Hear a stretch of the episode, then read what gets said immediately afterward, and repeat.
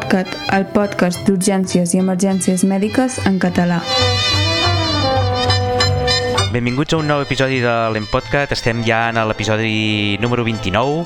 Aquesta, com ja sabeu, és la tercera temporada que ens podeu sentir a través de les diferents eh, plataformes on se senten els podcasts. I sabeu que l'Empodcat és un espai en què tenim eh, que conversem sobre urgències, emergències, sanitàries i que mm, de moment som un grup de dues persones, un grup eh, multidisciplinari multicèntric. Per, per un costat tenim l'Albert. Hola Albert, bon dia. Fes una festa una mica d'autopresentació, va. Bon dia, tarda, nit, eh, vespre, el que sigui. Eh, sóc l'Albert Oms, sóc infermer d'urgències i emergències. Ara mateix treballo a l'Hospital de Cerdanya, als Pirineus Catalans, i tinc un blog que és emermetpirineus.cat. També em trobareu al Twitter, X o com el senyor Musk li vulgui dir aquesta setmana, per eh, Emermet Pirineus i també estic a Mastodon, emermetpirineus arroba mastodon.cat. I jo sóc en Xavi Basurto, que sóc metge d'urgències de l'Hospital de Figueres i també estic a la, a la USBA de Figueres i tenim un blog que és a l'urgem.cat i a Twitter també, arroba urgemcat. Bé, això ja ho sabeu perquè cada episodi expliquem el mateix, qui som i què fem i aquestes coses.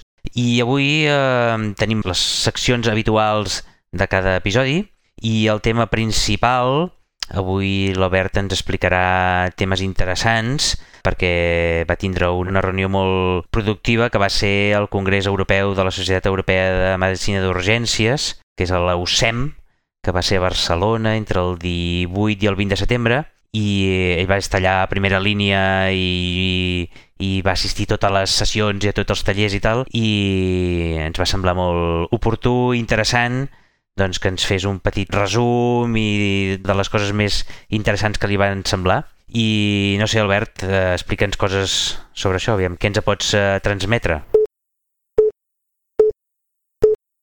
Bé, el primer dir que no vaig anar a tot arreu. Eh? El do de la ubiquitat no el tinc. Home, aquest és un congrés molt gran.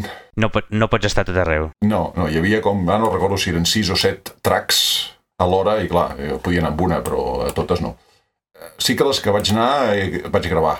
Si algú té algun interès especial amb alguna de les xerrades que vaig anar, doncs que m'ho digui i, i li faré arribar l'àudio amb més o menys qualitat. De fet, és que va sortir bastant xurro la gravació, però ho he, ho he pogut salvar una miqueta. Molt bé. Aquest congrés era un congrés a Barcelona, feien a Barcelona, Societat Europea, home, si ha d'anar-hi, no?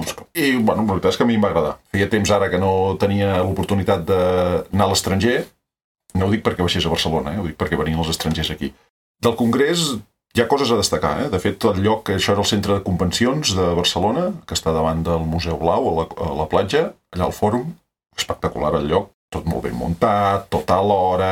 Em va sorprendre que hi havia pocs locals que jo quan vaig eh, comprar el, el tiquet del congrés em va sortir molt barat. Per infermeres del país eren 165 euros. Però és que ho hem anat a mirar avui i després es va s'ha posat uns preus que és clar que no hi havia ningú. Si això no ho vas preveure mig any abans, et sortia un ull de la cara. També sorprenent, sorprenent no, una cosa que ja passa sovint. Si resulta que el gremi, la majoria de treballadors de la sanitat so, són dones, doncs aquí la majoria de ponents eren homes sorprenent no ho és, és una realitat que s'ha d'anar canviant. Sí que és cert que hi havia força dones, però segueix sent majoria d'homes que no es correspon a la demografia laboral que tenim. N'hi havia, eh? No, no, no, aquí no es pot dir que només parlaven homes, hi havia moltes dones i molt interessants moltes de les xerrades que feien, però hi ha una desproporció. Això encara no s'ha no resolt. A veure, suposo que amb els anys hauria d'anar millorant, espero. Home, suposo que crec que també, el, almenys aquí ho veig així, els, els directius i els eh, presidents i subpresidents i tot això, o, almenys les catalanes, sempre veig homes. No? Vull dir, els alts càrrecs de les societats eh, crec que encara són homes la majoria. És un problema global, eh? de fet en podríem parlar algun dia, eh? buscarem algú que ens parli d'això, d'aquestes bretxes de gènere que hi ha tot arreu, perquè és un problema és un problema, eh? per molts motius. Això va, deixem-ho un altre dia, perquè això també pot ser un tema llarg. Eh? I parlant de desproporcions, clar, una altra desproporció espectacular és que això es feia tot en anglès, menys un track, menys una línia que es feia en castellà, i evidentment els anglòfons de naixement, que les xerrades dels anglòfons molt millors que les de qualsevol altra. Sí que hi havia alguns no, no anglòfons que les xerrades eren comprensibles, però déu-n'hi-do, eh? Clar, hi ha un avantatge terrible. Els que no són anglòfons estem en desavantatge aquí, eh? Això... I no hi havia traducció simultània i aquestes coses, eh? No, o anglès o castellà. Ni digital ni, ni... No, home, eh, el muntatge audiovisual molt ben parit. Eh, Allò de, ai, el vídeo no em funciona, era una anècdota, i l'àudio se sentia molt bé, a les sales, això. Eh, no em mola gens, però això suposo que és política d'aquesta societat científica, que, que el que es va parlar aquí, que gravar-ho era un cost irrisori, publicar-ho ja és un esforç, però clar, tot el que es va dir aquí no ha sortit enlloc més. I home, aquí hi ha contingut interessant que podria ser lliure i accessible per tothom, l'esperit del FOAMET aquest, del Free Open Access Medical Education, però aquí s'ha quedat.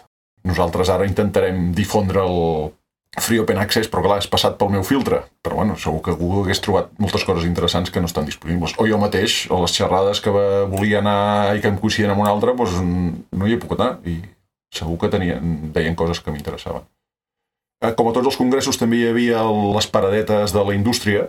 Em va sorprendre que hi havia molt poca farmacèutica. O sigui, hi havia uns que venien allò de l'andaxanet, l'antídot pels nous anticoagulants orals, uns que venien, aquest em va semblar interessant, eh? uns que venien xeringues precarregades de medicació, el, venien els del Cianokit també, que vaig pensar, però sí, per què veniu a vendre això? Si vosaltres això ho teniu ja venut. El Cianokit, per qui no ho sàpiga, és l'antídot del cianhídric, eh? un dels fums que, dels incendis i això. També toca parlar-ne algun dia, aquestes coses. Sí que hi havia, que això em va sorprendre, hi havia ben bé mitja dotzena de parades amb catxarros de, de simulació, tota mena d'estris, ninots de tota mena, un nadó que movia els braços, una cara fidel a la realitat, no, tu, tu, allò t'ho foten al llit allò és una persona, tu li parles, espectacular, sí, sí. Bueno, coses superxules. Sí. També hi havia molta maquineta d'això que n'hi diuen point of care, de per fer analítiques eh, al costat del llit. Havia màquines de bioquímica seca, que bueno, això, doncs, l'IESTAT aquest, que eh, alguns hem vist, però no té més drama, però que hi havia fins i tot el, la, la trombostolografia, trombos, bueno, aquí torno, trombolastografia, eh, que és una forma dinàmica nova de mesurar la coagulació. Sí. Hi havia uns que venien una maquineta de més petita que un monitor. Clar, deu valer una pastagança cada prova que fas, però vaig trobar superportable, corai. Bueno, evidentment, per fer marcadors cardíacs, el que tu vulguis, per fer troponines en 8 minuts, bueno, invents d'aquests molt ben parits tots. No vaig preguntar preus a ningú perquè no volia infartar-me allà mateix. Hagués estat lleig. Bueno, possibilitats de sobreviure allà en tenies més que qualsevol altre lloc. Igual un accés de metges i tot, no ho sé. No ho sé, eh? Sí. Normalment dos metges dubten i tres maten, eh? Sí, doncs allà n'hi havia uns quants. També hi havia molta gent venent ecògrafs, de tota mena, colors, totes les prestacions que vulgueu. Jo vaig flipar amb la quantitat de trastos que hi ha, de totes mides, bueno, i floritures, una imatge... Clar, també és cert que els que estaven allà fotent de modelo no n'hi havia cap de gras, eh? Sí. I videolaringoscopis també tres o quatre. Ah, tu veus, jo, jo, jo allà estava allà flipant. A mi que m'agraden les maquinetes. I el pitjor de tot és que hi havia una llibreria que venien llibres. I no hi havia ningú. Estava a patar. Ah, vale. I jo cada vegada que passava per allà, saps, em tapava els ulls així com si fos un ruc, perquè no vull mirar, no vull mirar, perquè a casa meva això dels llibres és un vici, i que m'hagués gastat pasta gansa a comprar llibres que m'hagués que haguessin quedat empantanats allà per llegir, perquè això llegia també... Llegir llibres és, és, és cansat. I una cosa que em va fer riure molt, tot i que jo ja estic una miqueta vell per això, hi havia una competició de, de paramèdics que va passar així una miqueta sense pena ni glòria perquè també hi havia la copa de simulació que hi havia una paradeta, que una colla de... una associació francesa van muntar allà un xiringuito, he posat alguna foto també a les xarxes socials, que feien una competició entre diferents equips que t'havies d'apuntar abans, equips de quatre persones, que al final van acabar sent equip pràcticament nacionals, no? I era una competició, et muntaven el mateix escenari per duplicat, molt, molt currat, però molt, eh? O sigui, si era un box d'urgències, doncs tenies un box d'urgències, bueno, dos per duplicat. Si pretenien que fos un escenari prehospitalari, doncs et canviaven el fondo, fotien unes pancartes que representaven, doncs, que sé, una carretera, i també una víctima, doncs dues víctimes, eh, a terra, i tu anaves amb les teves maletes, que tenies allà que en les teves maletes, i tenies dos monitors, bueno, cadascú el seu. Tot lo realista que pot ser una simulació, diguem-ne, tancada en un espai, que era molt guapo de veure, els participants portaven cadascú un micro, ja dic mitjans a punta pala, eh? cadascú dels participants portava un micro, es anaven parlant, tenien fins i tot taula de mescles perquè se sentís, i tu tenies allà unes pantalles que anaves seguint els simultàniament, eh? anaves seguint els monitors, les gravacions de vídeo, doncs allò, un vídeo genital sobre el pacient i això, i podies anar sentint el que anaven dient. Però, esclar, estàvem allà, els dos alhora, enmig del batibull d'estar a la zona aquesta d'exposició, amb la gravant que, clar, jo només hi anava quan eren les pauses del cafè, que també es feien allà. Costava de seguir, eh? però ho vaig trobar super ben parit. Bueno, la, la penya s'ho va passar pipa I jo vaig veure que això mola molt, molt, molt, molt xulo. Em va semblar molt, molt interessant, una eina divertidíssima de currar-s'ho. I era una competició, això? Sí, sí, sí, al final pues, O sigui, feien com a competició i que, quina era la finalitat? que era un, un temps o, o aconseguir que La finalitat era, doncs, si hi havia quatre participants per equip, hi havia quatre tios allà valorant. Cadascú dels, de l'equip tenia una darrere que el anava valorant. Sí. Les puntuacions no sé com anaven realment. I, I després feien com una mica de, de briefing o no? No, no, teni, no té res a veure amb simulació, això, eh? Era un escenari i punto i feien una competició i ja està. Mira, la veritat és que no ho sé. Eh, No sé, no et sé dir si quan acabaven després amb els participants els hi deien mira, nosaltres hem vist això. Jo diria que no anava per la banda de l'aprenent... O sigui, diria que no anava per la banda de fer feedback després als participants. Però l'associació aquesta ho fan, eh? És el... es dediquen justament a això, a fer simulacions, llavors tu pots llogar, venen, et foten la cagarela, i evidentment després et fan els debriefings, eh? Però aquí diria que la cosa no anava tant per aquí. I els que organitzaven això eren francesos? Sí, és una associació que no recordo, com es diu, UGT, ja no sé com es diu. Ho posarem al web per qui li interessi. A mi em va semblar interessant, jo ja m'he apuntat això per a veure si algun dia apareixen calés del no-res i els podem llogar. Perquè barato, barato fa pinta que no és, eh? Molt bé. Anem a les coses interessants, va. Què més? Què més? Vinga, xerrades. Una miqueta per... eh, Com que no sabia com ordenar-ho, doncs ho he ordenat per ordre cronològic a mesura que les vaig anar veient. El primer dia vaig arribar tard, perquè venia, vaig agafar el bus aquí de la Cerdanya i vaig arribar doncs, quan vaig arribar a Barcelona, esclar. Em sap que havies anat amb tren. Dic, doncs clar que vas arribar tard. home. Uh, uf! R3, Cerdanya, Barcelona, Renfe... Home, sí, es pot fer, eh? Es pot arribar, clar. Arribar, es pot arribar, eh? però és una aventura, eh? No, a més a més, pel meu poble passa bus, llavors hagués hagut d'agafar... Vaig anar amb el bus, ja està. I vaig arribar, em vaig perdre la primera xerrada, que feia pinta de ser molt interessant, la feia un tal senyor Paul Pepe, però era americà. I anava de coses que es podien fer per millorar la supervivència neurològicament intacta de les aturades cardíaques. Dic que devia ser interessant perquè les preguntes que van fer després vaig pensar, oh, oh, oh.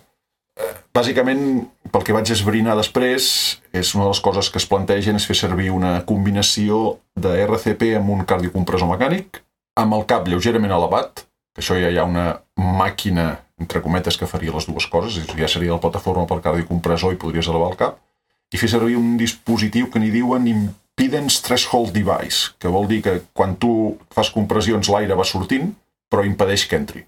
Una miqueta contraintuitiu. Què fan amb això? Vas disminuir la pressió intratoràcica i, per tant, augmenta el retorn venós. Això fa temps que, que se'n parla i no, no hi ha massa evidència de res de tot això. Quan, quan dius el cap aixecat, vols dir el, tot el tronc aixecat, una miqueta? eh? Sí, tot el tronc aixecat. Uns 30 graus, eh? Tampoc... Eh... Això del cap aixecat ho van començar a fer perquè a Corea no poden, em sembla que és a Corea, no poden terminar la mort in situ, per tant, totes les aturades cardíaques es traslladen a l'hospital. I que com trasllades una aturada cardíaca d'un vuitè pis al carrer. Ells amb una taula espinal fotien drets dins l'ascensor i els baixaven. I una circumstància que és pràcticament impossible, que és una RCP en curs des d'un vuitè pis, no? hi ha uns estudis que diuen que hi ha més mortalitat del quart pis en amunt que del quart pis en avall, no? amb les aturades cardíaques. Doncs es veu que els hi sobrevivia algun, i conyo, què ha passat aquí? Van pensar, ves que no sigui que com que està el cap amunt... O sigui, si no ho he entès malament, és mentre fas eh, compressions toràciques amb el cardiocompressor, això s'ha de fer amb el tronc a 30 graus. Sí, no em facis dir el número, eh? Però vull dir, és, és els El dos... que em va semblar entendre era tot el conjunt. Aquesta, ei, no la tinc gravada, no hi era. La que sí que vaig gravar i em va semblar molt interessant, i de fet era un tema que ja em volia parlar abans, en Pierre Carli, del jefe del SAMU de París, parlava d'una cosa que van fer durant el Covid, que són els transports massius de pacients eh, crítics eh, per tren o avió. Per TGV, per tren d'alta velocitat, o avió. Molt interessant, jo, això ho van començar a preparar després dels atemptats del Bataclan de París, doncs se'ls va acudir la possibilitat, de, davant d'una situació de múltiples víctimes massives totes greus, doncs de, l'entorn, arribar al lloc on estan desbordats i emportar-los els pacients per buidar-los, no? que és el que van fer després amb això del Covid.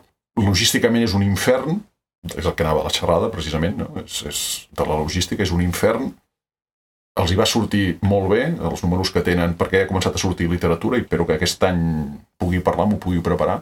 I, hosti, jo vaig pensar una miqueta, dic, això ens podria ser útil a nosaltres o no, perquè és moure molta gent des de molt lluny, no sé, ja en parlarem, en parlarem perquè aquí crec que dona per parlar. A més a més, logística, que clar, aquí els tècnics, moltíssima importància, els tècnics, bueno, portaven més o menys un metge per dos pacients, una infermera per pacient i dos socorristes, tècnics, bomberos, perquè van moure moltíssima gent per això, per pacient. Bueno, molt interessant, ja en parlarem d'això.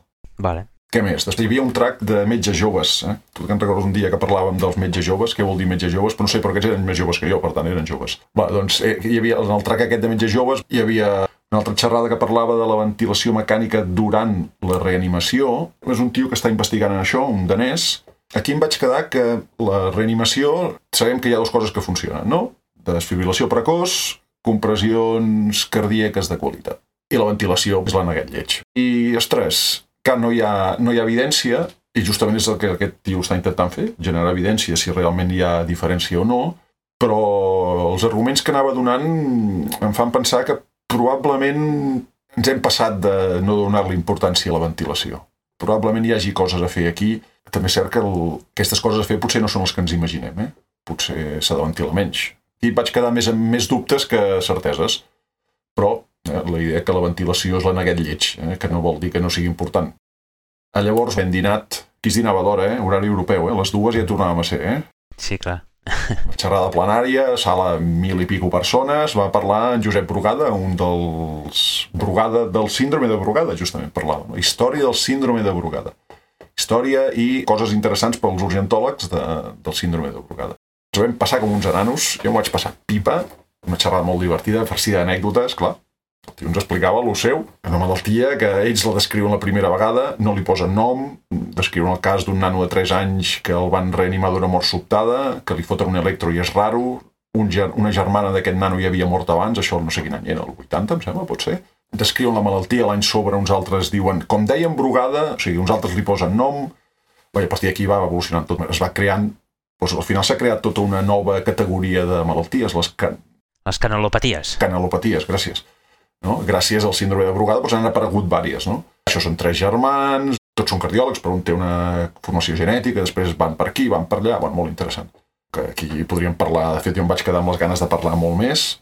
Em quedaré només amb les coses que m'han semblat interessants. Va, del síndrome de Brugada hi ha tres patrons electrocardiogràfics, 1, 2 i 3, no entraré ara quin és quin, ho deixarem per quan parlem del síndrome de Brugada. Només el primer és patognomònic, i paraules textuals del doctor Brugada és només li pots dir segur que un pacient té brugada si té el tipus 1 que als 5 segons de sortir a la consulta ja estan buscant què és el síndrome de brugada i als 2 minuts ja m'estan escrivint un correu. O sigui, aquest home deu rebre molts correus de pacients que els diuen que és un brugada i després que si no és tipus 1, doncs potser ho és o potser no. Uh mhm. -huh. Interessant també que sembla que aquesta canalopatia eh, té molta afectació per temperatura. Això més o menys ja sabíem que pots trobar que gent que només té l'alteració electrocardiogràfica quan té febre. Tant, això s'ha de tenir present. Ens podem, les infermeres, que sempre quan ens demanen de fer coses estranyes sempre fotem mala cara, doncs si et diuen de fer un electro amb algú quan té febre i de gent, si ja en tens fet que no d'abans, bueno, doncs potser, si és un tio que s'ha sincopat quan tenia febre i després torna a tenir febre i et demana que facis un electro, potser va per aquí el tema, eh? Cosa molt interessant també. Bueno, ja sabeu que jo sóc un fanàtic de l'electrocardiografia, per segona vegada ho repeteixo, i faig una engina de Prince Metal cada vegada que veig electrodes mal posats. Una de les coses que fa sempre malament és el que l'Helena Plaza n'hi diu els los electrodos pendientes, perquè els pengen de les orelles, no? que és B1, B2 els poses molt amunt. Bé, doncs resulta que posar aquests electrodes molt amunt és una eina que hi ha per afinar el diagnòstic del brugada. És a dir, en comptes de posar B1, B2 eh, al quart espai intercostal, doncs posar-los al tercer i al segon. O sigui que aquí m'ho estic menjant, el que dic jo. També que arriben agrupacions. És a dir, el brugada pots trobar-te que en un període curt de temps tens varis episodis que fas arrítmies i que després durant anys desapareixen i poden tornar a venir en agrupació. I el tractament que tenim fins ara d'això és només posar, bueno, només, és posar un desfibrilador implantable i quan et tens l'arrítmia doncs et desfibrila i tornes a la situació normal, no hi ha cap altre tractament. Però sembla que s'està plantejant, i podria ser que fos un tractament eficaç, que fent un, aviam si ho sabré dir bé, perquè això és electrofisiologia, saps? Això, aquells que passen catèters i després es dediquen a cremar coses dins del cor, eh? Doncs es veu que hi ha l'opció de fer un tractament d'aquesta mena, és a dir, fer un... de socarrimar, ui, perdó, de fer alguna cosa estranya aquestes que fan els electrofisiòlegs per eliminar el tros aquest que està afectat de la canalopatia. Això et va semblar que ja ho estaven investigant, no? Sí, sí, sí, sí. De fet, eh, no tinc clar en quina fase estem d'això. Si, és, ja, si encara és un tractament experimental o si ja es pot començar a fer com una alternativa als que no poden anar amb desfibrilador o, o, d'aquí uns anys directament no caldrà posar desfibriladors perquè et socarrimaran això i ja està. No ho sé. Em va semblar molt, molt, molt interessant. Aquesta xerrada em va fer venir ganes de parlar de, del síndrome de Brugada.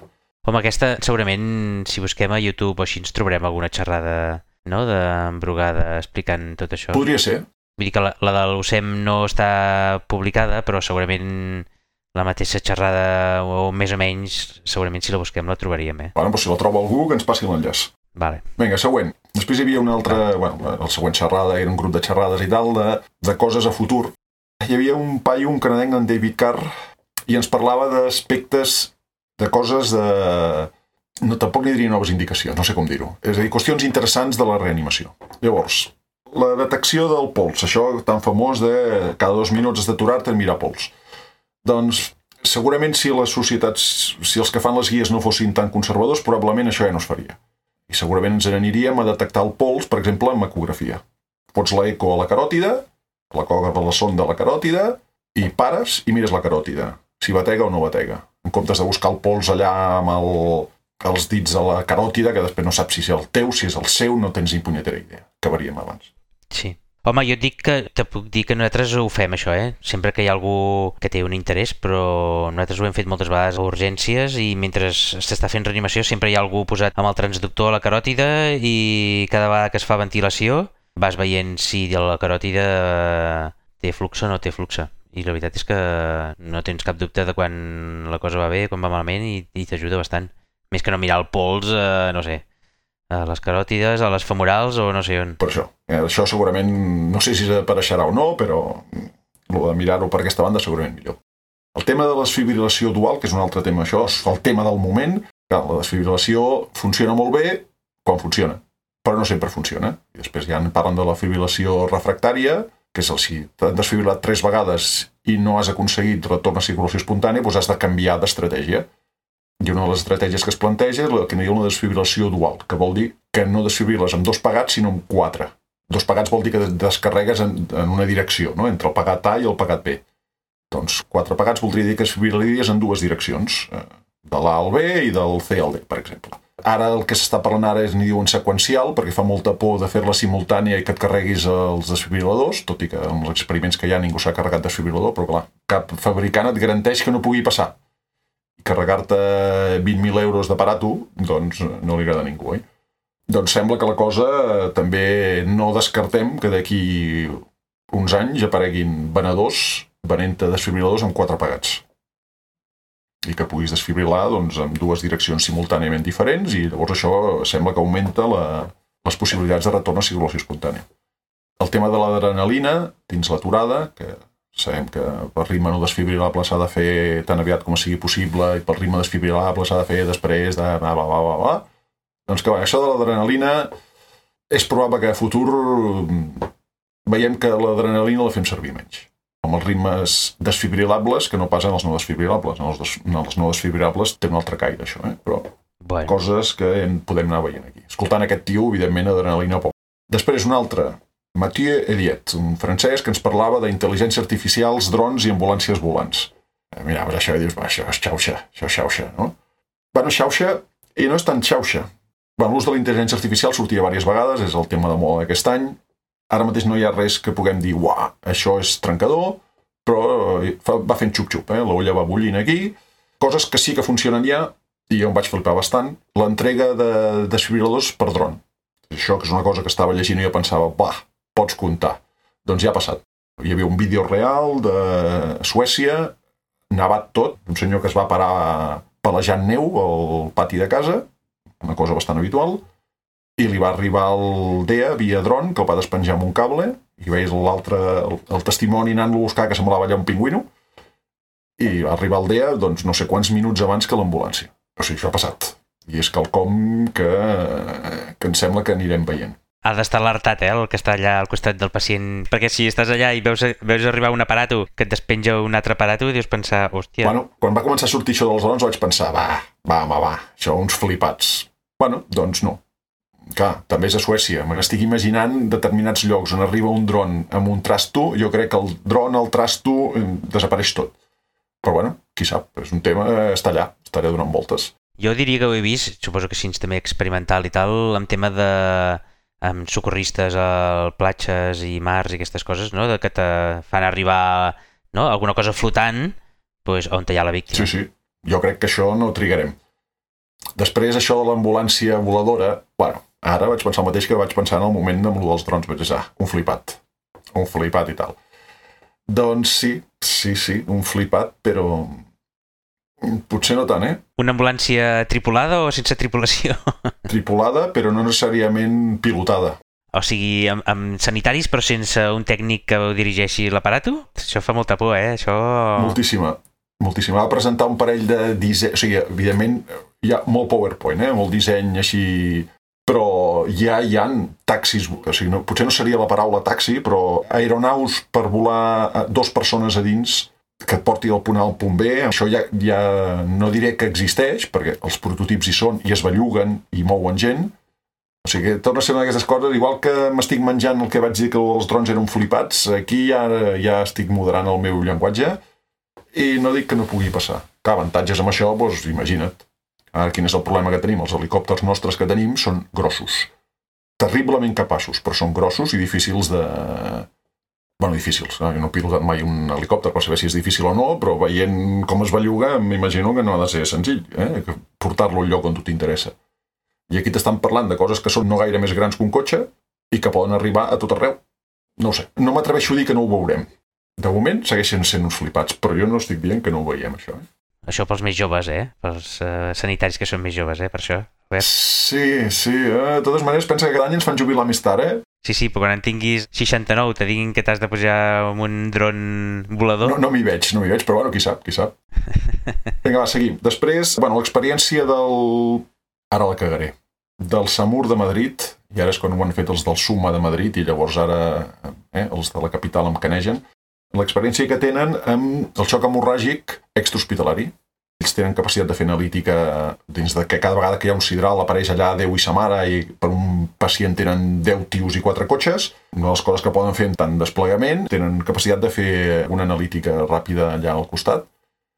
I bueno, aquí ens parlava de la, del pH i l'accés de base com a predictors de la necessitat de transfusió massiva o no. Bueno, tenia el seu interès. Jo, jo penso que en prehospitalària no crec que triguem masses anys a portar algun equipament de point of care i poder prendre decisions in situ. Això veig més viable. Tema portar sang és una altra de les xerrades d'aquest senyor del PP, eh, d'aquest americà, de l'ús de sang total, de tranexàmic i calci, eh, les ferides eh, exsanguinant, que és un dels temes que vam parlar una miqueta amb la Jordina, amb l'episodi que vam parlar de l'hemorràgia exsanguinant, no? que és el tractament sistèmic, Bé, aquí parlen de sang total, hosti, la sang total jo ho veig difícil, però és un d'aquests temes que estan donant voltes por ahí, si s'ha de portar sang o no a l'extrahospitalària i com hem de fer servir la sang amb el tractament sistèmic de les hemorràgies. Calci quan s'ha de posar, quin calci, el gluconat, el clor càlcic, el, el, eh? tema, això està donant voltes por ahí, també és interessant. Va, més xerrades. Eh, una que em va semblar interessant d'un americà que es titulava, diu, necessitem un protocol d'ecografia per als pacients amb febre, que així d'entrada dius, per què? Llavors va ser molt interessant. Clar, quan anem amb febre, doncs pensem en el que està constipat, oi? Però febres d'origen incert se'n veuen unes quantes, especialment més en gent gran que en adults joves. Amb nens ja sabem que la febre és d'origen incert fins que tu et canses d'esperar i llavors surt per alguna banda. Aquest tio plantejava un protocol així, què, què, què miraria ell, i de fet ho té escrit en algun lloc. Doncs clar, tenim febre, doncs jo aniria a mirar, doncs, si tinc febre i tinc les parets de la bufeta del fel gruixuda i no sé què i tal, doncs hauria de sospitar una cosa. Em va semblar interessant. Els metges que us agrada fer ecografia, jo em plantejaria fer-li un cop d'ull amb això. No m'atreveixo a dir que això sigui trencador i que a partir d'ara t'entrin un pacient amb febre i tu ja vagis a l'ecògrafo i ja facis diagnòstics així molons, però Bueno, és per tindre una sistemàtica no? de quin profit en pots treure l'eco si et trobes en un cas així. No? Sí, sí. Volia anar a veure unes xerrades després de procediments molons amb reanimació, que si toracocentesis, que si no sé què i tal. Evidentment la sala estava plena, vaig arribar dos minuts tard i havien començat, la sala plena i ja no vaig, vaig a veure una altra, perquè que ja no hi podia entrar. Eh, dels metges joves, eh? Jovent també explicant coses. Eh, bé, després un alemany es parlava de triatge prehospitalari. Em vaig quedar amb la frase de que el triatge prehospitalari dura uns minuts, a partir d'aquí se'n va la merda. O sigui, la gent, l'experiència que hi ha és que la gent tria una miqueta al principi, però a partir de cert moment és igual el què, què fa servir. A l'estart, doncs l'estart. Que fa servir el 10 seconds no sé què, fa servir el 10 seconds. A partir de cert moment ja no fa servir res. Val. A partir del següent vas tirant les etiquetes i vinga, fiesta. Sí, és Va explicar bastants quins diferents models de, de triatge que hi ha, perquè no només hi ha l'Star, que és el que fem servir. Pels que els agrada això del, dels incidents de múltiples víctimes, doncs, aquí haguessin estat contents. De... Una altra xerrada d'un altre metge català expatriat als Estats Units, aquest, que era bueno, les claus per al lideratge exitós. Evidentment, tot molt paraules rimbombants. A mi m'agrada una miqueta la idea. Aquest tio treballa a Harvard, tio hauria de dir eminent senyor, perquè per treballar a Harvard diguem que no pot ser un pelacanyes, i explicava una miqueta l'experiència o com s'ho han manegat per un sistema, estem parlant dels Estats Units, el sistema sanitari allà res a veure amb el nostre, doncs com un sistema dispers de molts centres diferents, amb competència entre ells, com l'han anat reconvertint en un sistema en xarxa. No? Tenen el mateix problema que tenim nosaltres. Hi ha centres grans acadèmics que són els que generen professionals i els tenen i els poden anar triant i després una sèrie de, de centres a la comunitat, com que no formen professionals, doncs tenen molts problemes per cobrir. Cadascú és del seu pare i de la seva mare, cadascú fa les coses d'una manera, també els pacients així allà... I el que han fet és fer una mena d'integració territorial.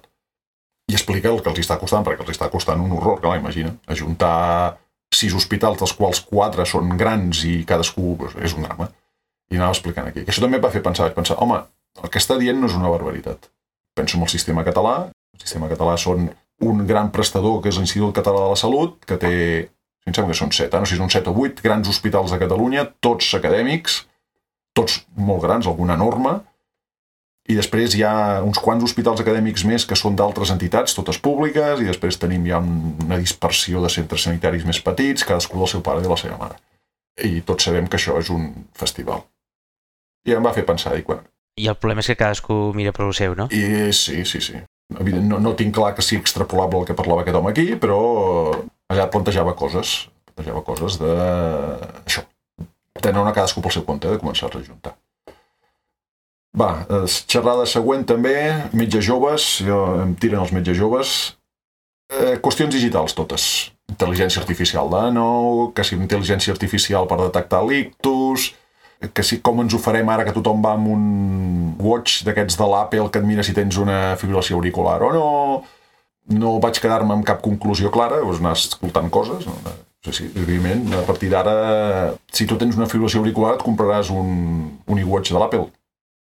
I et vindrà un dia gent amb el que és que l'iWatch m'ha dit que... I sí, ens, ens farem un tip de riure amb el que l'iWatch li ha dit que està mort i parla amb tu.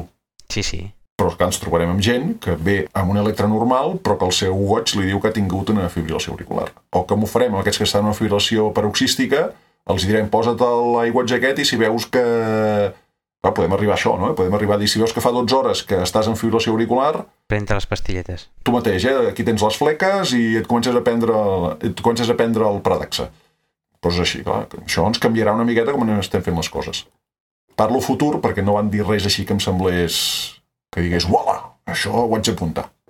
Això de la detecció del lictus torna a ser això mateix, eh? és intel·ligència artificial per tot arreu, però jo no acabo de tenir clar que vagi millor que un humà. Pot ajudar? No dic que no, però no ho acabo de veure encara. D'aquí uns anys en tornarem a parlar, probablement. Eh? Va, després, què més? Ja ens anem a l'últim dia, l'última xerrada de l'últim dia. Us podeu imaginar com estava el personal a la primera hora del matí. Els anaves, despertant, els anaves despertant tu, no? doncs mira, algun anava que estava una miqueta afectat, eh? Vaig anar a una sessió de toxicologia perquè feia una xerrada de la intoxicació per bolets, que la feia un italià. Els hi vas aconsellar que s'escoltessin el nostre podcast? Hòstia, els hagués hagut de dir que necessitaven un traductor també, eh? Però sí que em va cridar l'atenció una cosa, eh, d'aquests italians. Així com nosaltres, l'Àngels, Gispert. L'episodi interior, el 28, l'especial d'intoxicació per bolets, ens parlava de la silibinina que si sospites intoxicació per amanitina, venga, silibinina, fot-li ja, i sense por. De fet, ja el meu hospital ja la tinc localitzada, eh? ja sé on és, l'armariet, allà la farmàcia, la foto, que és aquesta caixa, això. Doncs aquest, eh, sí, silibirina sí, però com que sembla que a Itàlia no és, una, no és un medicament que tinguin tant a l'abast, doncs penicil·lina molta. Fan la penicil·lina G sòdica. Crec que no me'n recordo ara quina fan servir. Però vaig pensar, ah, mira, però nosaltres tenim silibirina, eh? Sí, sí, sí, sí. Evidentment no va pas dir que s'hagués de fer penicil·lina, però en el seu historial, diguem, doncs el tenien, no la tenien tan, tan a l'abast, eh? I ja per acabar el dia, doncs mira, l'última sessió de dominar les estratègies fent servir la millor evidència. O sigui que bàsicament venien senyors a dir-te que de tot el que fem, què, què és millor i què és pitjor. Un xicot francès ens parlava de fer servir ecografia o altres alternatives d'imatge per aconseguir l'accés intravenós. Nosaltres també hem parlat d'això, eh, de l'accés venós ecoguiat, també vam parlar amb la Laia La, la Laia Cellera, sí. fa... Això és la primera temporada, no sé quin episodi, 7, em sembla, no me'n recordo, 6 o 7, ja no me'n recordo. Ens va parlar... El que ens va comentar la Laia, doncs que si fer servir ecografia per gent que no és difícil de punxar no té cap sentit i fer-la servir d'entrada amb els que són molt difícils de punxar, doncs sí.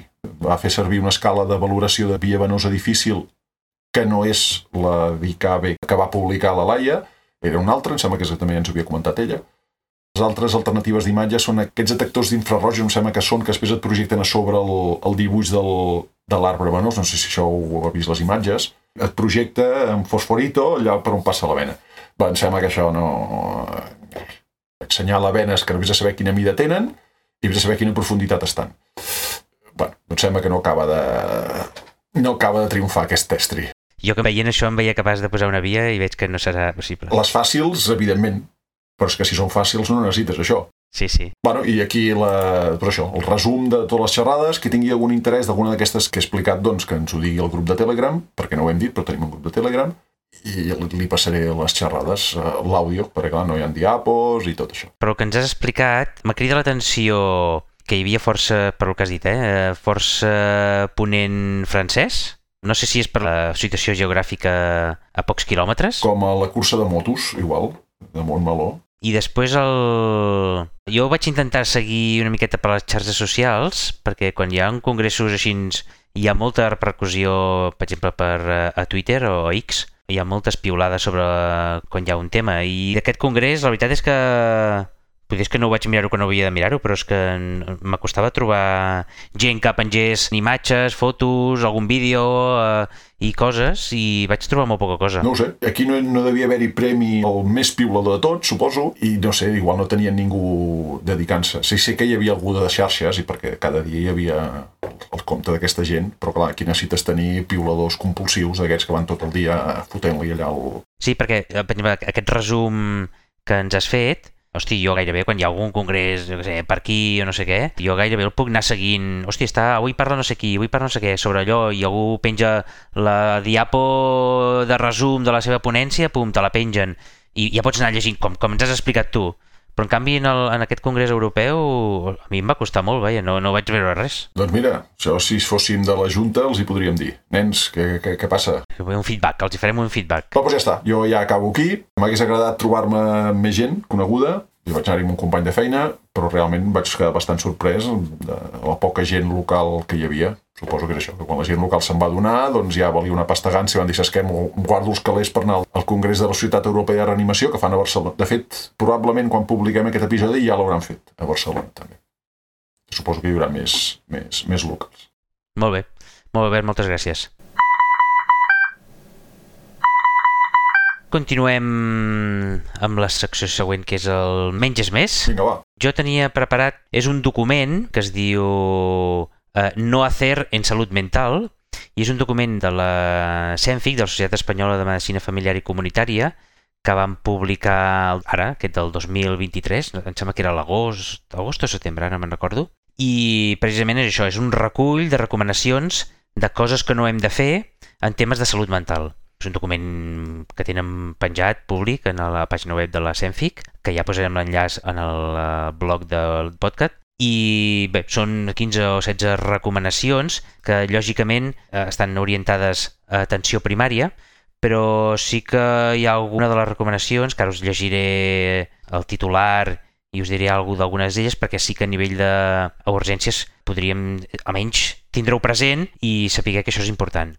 Per exemple, la primera que ens diuen, de no hacer en salut mental, és no utilitzar etiquetes diagnòstiques de manera inicial en un pacient que consulta per malestar emocional. És a dir, quan tenim algú que ve per algun malestar psíquic, un patiment emocional de problemes de la vida quotidiana, anar molt en compte de posar-hi etiquetes, perquè els, els diagnòstics són necessaris quan són necessaris, però si no és absolutament necessari, com tot amb la medicina, té els seus efectes secundaris. I, per tant, anar amb compte amb quan poses un diagnòstic que estàs posant una etiqueta que si no la necessitava aquella etiqueta doncs el pacient en pot sortir perjudicat i això passa molt, molt habitualment eh? Això que dius ara, que passa molt, jo de l'únic diagnòstic que em sé l'ICD-9 és el 300. Exacte, jo també, sí. I de cap altre. És, molt, és molt sospitós.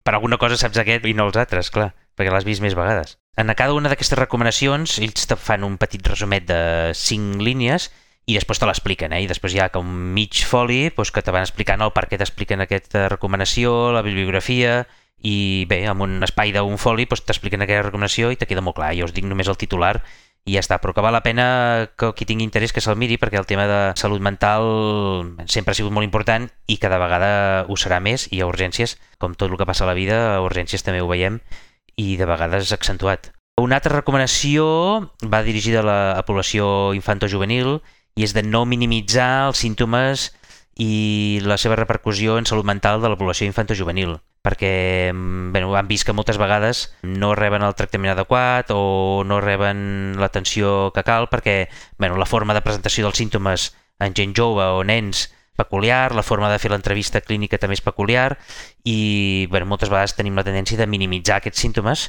i bé, això pot tindre repercussions. També, per exemple, no obviar el consum de substàncies quan fas una anamnesi del pacient que consulta per problemes de salut mental. És a dir, el tema de salut mental i consum de substàncies, de tòxics, té una relació bidireccional. Vull dir, una cosa està relacionada amb l'altra i si consumeixes tòxics tens problemes mentals i si tens problemes mentals també està més relacionat amb consum de tòxics. Per tant, sempre que et vingui un pacient amb problemes de salut mental, doncs no t'oblidis de preguntar i deixar la història si hi ha algun problema també d'abús de, substàncies perquè poder tu en aquell moment a urgències Mm, a part d'una recomanació ràpida no pots fer gran cosa més, però el seu metge de capçalera sí que ho pot veure i fer-hi alguna cosa. Fer-ho sistemàticament, preguntar-ho. Per exemple, un altre era no ometre no, l'abordatge de la ideació suïcida amb qualsevol persona que consulta per eh, símptomes depressius. De fet, ja ho sabem, no? el suïcidi és la primera causa de mort externa, accidental o no natural a Espanya, no? i se sap que molts dels pacients que acaben suïcidant-se, doncs, el 50% han consultat el mes previ en el seu metge de capçalera o han fet algun tipus d'interacció amb el sistema sanitari. Per tant, sempre que tinguis algun pacient amb problemes depressius, doncs no deixis de preguntar-li si ha tingut eh, ideació suïcida. Què més?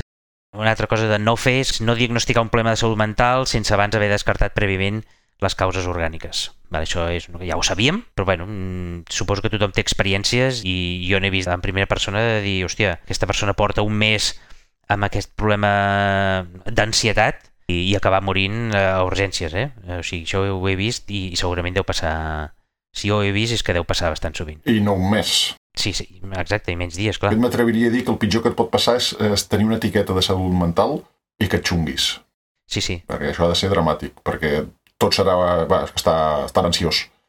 I després et sortirà el teu xoc sèptic o el que vingui darrere, perquè... Sí, sí, sí. Em sembla que en aquest document, crec que haver-ho llegit també això, eh, de, de pacients amb trastorns mentals i tal, doncs, que moltes vegades és més difícil descartar patologia orgànica i tal perquè s'atribueix molt a, a temes mentals i no orgànics. Què més? Em queden un parell. No prescriure benzos sense abans considerar la seva semivida i el perfil clínic del pacient. Vale? Això a urgències ens pot passar molt, no?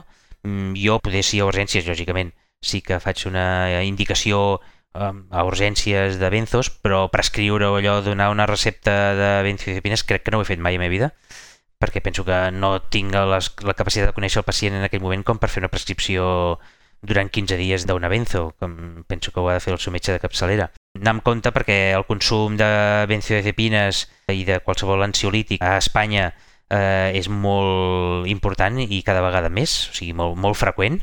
Bueno, I això porta, eh, sí que pot ser necessari en molts casos, però bueno, són medicaments que van associats amb molts efectes eh, secundaris, no? de caigudes, fractures, accidents de tràfic, tenen més risc de deteriorament cognitiu, temes de tolerància, dependència, síndromes d'abstinència, és, és important.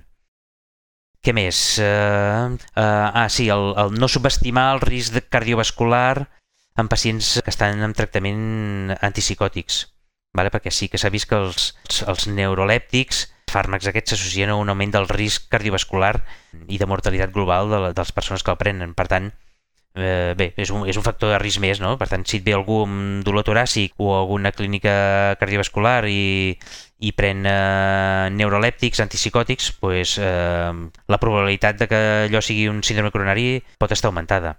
Val? Perquè, òbviament, eh, això, el trombombolisme venós, els accidents cerebrovasculars, la mort sobtada d'origen cardíac, associada a una prolongació de, a un QT llarg, això és el que fan efectes secundaris de, dels neurolèptics. I l'última que us dic és no desprescriure antidepressius de forma abrupta per evitar el síndrome de descontinuació, de retirada. Va, això sí que ens pot passar a urgències, no? gent que pren fàrmacs antidepressius i que els ingressem i per algun motiu no els hi prescrivim. Si no els hi pautem i el millor ingressen i es passen fins que no revisen la teva prescripció a planta, i no sé què, millor poden passar, i moltes vegades de coses que fem urgències, encara que les fem malament, després es perpetuen a, a planta. Aleshores, si no prescrius l'antidepressius, tens el risc de que no li prescriguin el dia següent i aquella persona que porta anys prenent eh, aquell medicament pot passar una setmana sense, sense aquell medicament que s'hauria d'haver retirat de forma molt lenta i això pot generar problemes eh, per al pacient. I ja està, llegiu aquest document perquè es llegeix molt ràpid, són, no sé si són 15 pàgines o alguna així, i cada una d'aquestes recomanacions de no fer eh, va molt ben explicada de forma molt fàcil i molt entenedora. Doncs pues ja està, eh, Albert. Escolta'm, cuidem-nos molt, eh? que això de que se te'n vagi la pilota eh, no és gens difícil, i menys amb els temps que corren. Molt bé, doncs va, vinga, anem al següent, a la següent secció que tenim, que és l'Urgent Mot. Va, comences tu, que jo he xerrat ara un rato o què? Sí, mira, jo no tinc cap urgent mot, però tinc un parell de coses que crec que poden ser interessants per la nostra audiència. I és el voluntariat lingüístic. Ah, sí. La qüestió és que el Col·legi de Metges de Barcelona ha començat també un servei, entre cometes, de parelles lingüístiques. Eh, això, el voluntariat lingüístic, què és? És bàsicament una persona s'ofereix per ensenyar a una persona que vol aprendre i és una trobada normalment setmanal d'una horeta i llavors és una trobada de conversa entre els dos, entre aquests dos membres de la parella. El Col·legi de Metges de Barcelona té obert un programa d'això, amb el qual que és interessant perquè esclar, és un professional sanitari, un metge, que fa de parella lingüística d'un altre metge. Tenen coses en comú, l'ofici, ho vaig trobar molt interessant eh, en el, en el podcast del Col·legi de Metges, Hipòcrates en pijames, diu el podcast, molt interessant, justament sortien una parella lingüística que parlaven de la seva experiència i és força interessant. Això existeix de fa molts anys, eh, ho està fent el Consorci de Normalització Lingüística, però ara també la Generalitat, el canal Salut, ho podeu anar-hi, posarem l'enllaç a les notes del programa. Això mateix que fa el Col·legi de Metges de Barcelona ho pretén organitzar el, el departament. Els professionals sanitaris que sabem català i en volem ensenyar els que no en saben, doncs ens podem oferir, i els professionals sanitaris que no saben català, doncs poden, no? i llavors farem doncs, Aquí, en l'enllaç aquest, doncs et diu més o menys a quina zona estàs, doncs per buscar-te algú de la teva pròpia zona. Uh mhm. -huh. Penso que és una iniciativa interessant. Em puc posar molt polític, però no ho faré. El català eh, no morirà perquè el matin, morirà perquè el deixem de fer servir. Jo estic apuntat, però no tinc parella. I igual és que no hi ha ningú que tingui interès al meu territori. M'hauré de bellugar i punxar algú a veure, a veure què. Però aviam, eh, en el teu lloc de treball habitual, això ho pots fer-ho? Sí, sí, sí. Eh, o si hi ha algú interessat, vull dir. Preferiria no tibar d'aquest tema perquè tinc una cosa a mitges. Pensa que nosaltres, a la meva empresa, no som bilingües, som trilingües. Ah, és veritat, és veritat, és veritat. I el pollo no us el podeu imaginar. És un pollastre que flipes. Ja tinc una guerra oberta amb això, que millor no dic gran cosa més. Bueno, tots són avantatges. Quan més idiomes parlis, eh, si parles amb un geriatre te dirà que això disminueix el risc de demències i, i aquestes coses. Per tant, podreu treballar fins als 80 anys tranquil·lament. Gràcies. Me l'apunto com a argument. Va, què tens de paraules divertides? Vinga. Jo tenia tres, tres uh, urgent mots. Avui seré breu que són d'espais i situacions que podem trobar a urgències o a l'hospital que fem servir també els urgentòlegs, que podrien millorar la forma de dir-ho. Per exemple, si parles amb el cirurgià, te'l pots trobar el cirurgià lògicament a la sala d'operacions, en lloc de quiròfan. El quiròfan no és correcte, sinó que n'hauríem de dir sala d'operacions. Doncs això de sala d'operacions, en francès és igual. O sigui, el català s'assembla més al francès que no pas al castellà. A França no existeixen els quiròfans, hi ha el, el bloc operatoire, el bloc operatori. Exacte, doncs, doncs és, és el mateix, exacte. Abans, lògicament, el pacient ha passat per urgències, o ja el tenim a urgències, el tenim, ja sabem que el tenim en un box però que de vegades veig escrit malament és el seu plural, no? que el plural seria box amb una S i moltes vegades ho veig amb el boxes, amb ES. Uh, això ho veig, eh? no, no, no és que m'ho estigui ara inventant. Per tant... Sí, això dels plurals, això dels plurals és difícil, eh? Sí, sí, la veritat és que sona com estrany. Box, però bueno, però és així.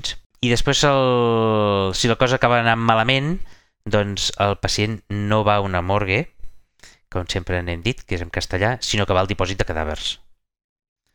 I ja està. Així ens, així ens tenim la... el pacient entra en els box, Uh, després... No, no, no, sé, sé què vas a dir, sé què vas a dir, no ho diguis, no ho diguis, no ho diguis perquè tots hem fet una associació mental d'un camí... Un camí que no hauria de ser, però mira que de vegades passa, tu. Que, exacte pues això són els tres uh, urgent mots senzillets i que no costa res de modificar i adaptar-nos a lo que el TermCat ens, uh, ens recomana. I ja està, i no sé, després tenim, tenim en la secció de recomanacions, Albert, què ens expliques? Va, jo, jo en tinc una que vaig veure en aquest congrés. En no sé quin episodi vam recomanar una web que era Core Ultrasound, punt no sé què, punt com, em sembla, que era és una web de recursos d'ecografia. Doncs aquí n'hi ha una que encara m'ha agradat més. Bé, no sé si m'ha agradat més, és, és molt interessant. Es diu showmethepocus.com. Eh? Ensenya'm el point of care ultrasound, ensenya'm l'ecografia a peu de dit. És molt interessant perquè així aquest core ultrasound que vaig recomanar fa un any, ara ja ben bé, l'espectre de gent que el podia seguir era molt ample, podies començar des de ser un, un aprenent fins a un expert, aquest, el Xiaomi de Pocus, si existissin els llibres visuals, seria una mena de llibre de text. És a dir, és molt extens. Aquí pots arribar a profunditzar molt en els diferents exàmens que tenen a la web. Si ja teniu una certa mà fent a l'ecògraf i sabeu quins botons heu d'apretar i sabeu que mireu, doncs probablement aquesta pàgina us sigui interessant, perquè podreu anar més enllà del, doncs, de les quatre coses senzilles que els pelaganyes fem habitualment. showmethepocus.com Molt bé, li donarem cop d'ull eh, jo us volia recomanar dos eh, sèries que he vist eh, recentment, aquest estiu, que tenen relació... Bueno, sí, també tenen relació amb urgències, però tenen més relació amb la indústria farmacèutica i, bueno, hi ha algunes, hi ha alguns temes eh, importants que es veuen, que són Painkiller, va traduint aquí, espera, que ara no me'n recordo, Medicina Letal, i és una, és una sèrie, és una minissèrie de, jo diria que 6 o 7 episodis, que es veu molt ràpid, que està a Netflix, i bueno, expliquen el tema de l'epidèmia de problema de salut que tenen amb els opiacis als Estats Units des de fa 20 anys, sobretot en gent jove, no?, que consumeixen opioides prescrits i la veritat és que hi ha moltes morts, eh, t'expliquen com, no sé, no sé si eren 300, 400.000 morts des de que va començar aquest tema.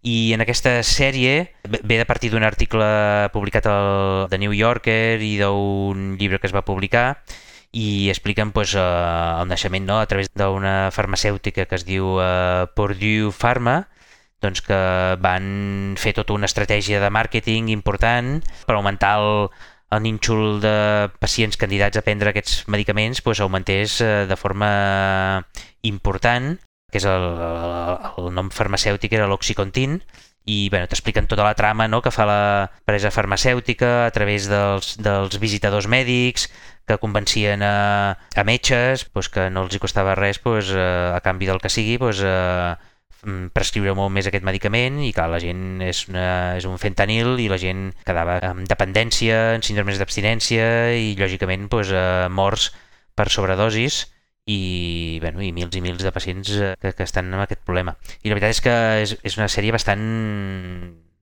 Dius, ostres, eh, això passa, saps? És, és interessant i és ràpida de veure.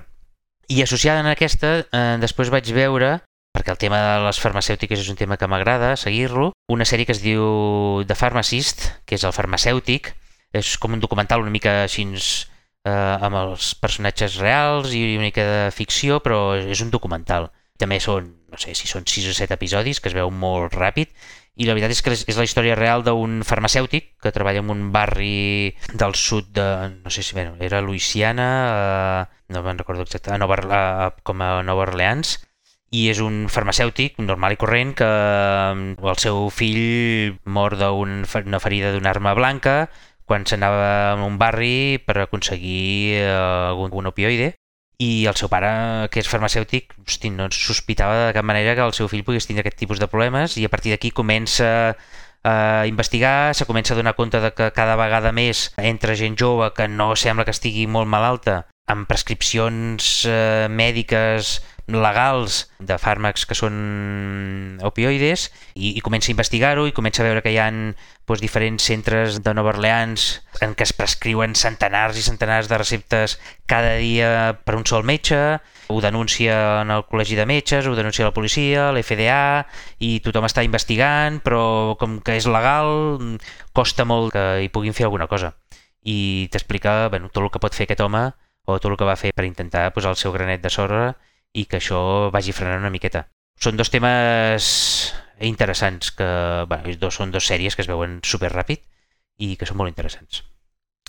I ja està, Albert. Molt bé. Jo no les veuré, eh? Tu no les veuràs? Perquè no, no... no sóc capaç, perquè veig això i tal qual veiés això agafaria llençaflames i sortiria a cremar-ho tot.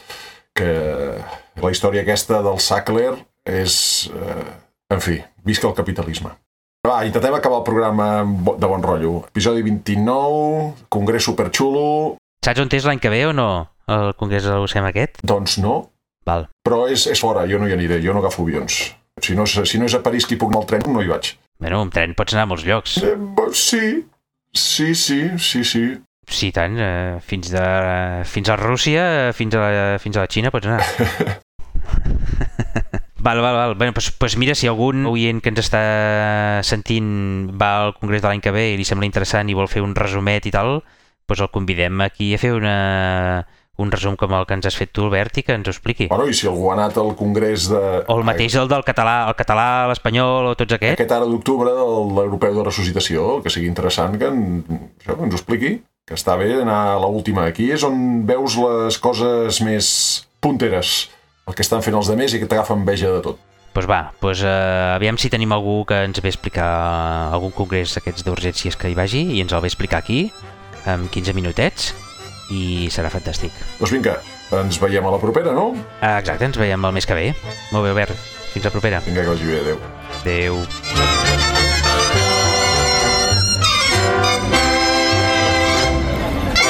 És l'episodi número 29 i com ja sabeu estem a la segona temporada de l'Empodcat.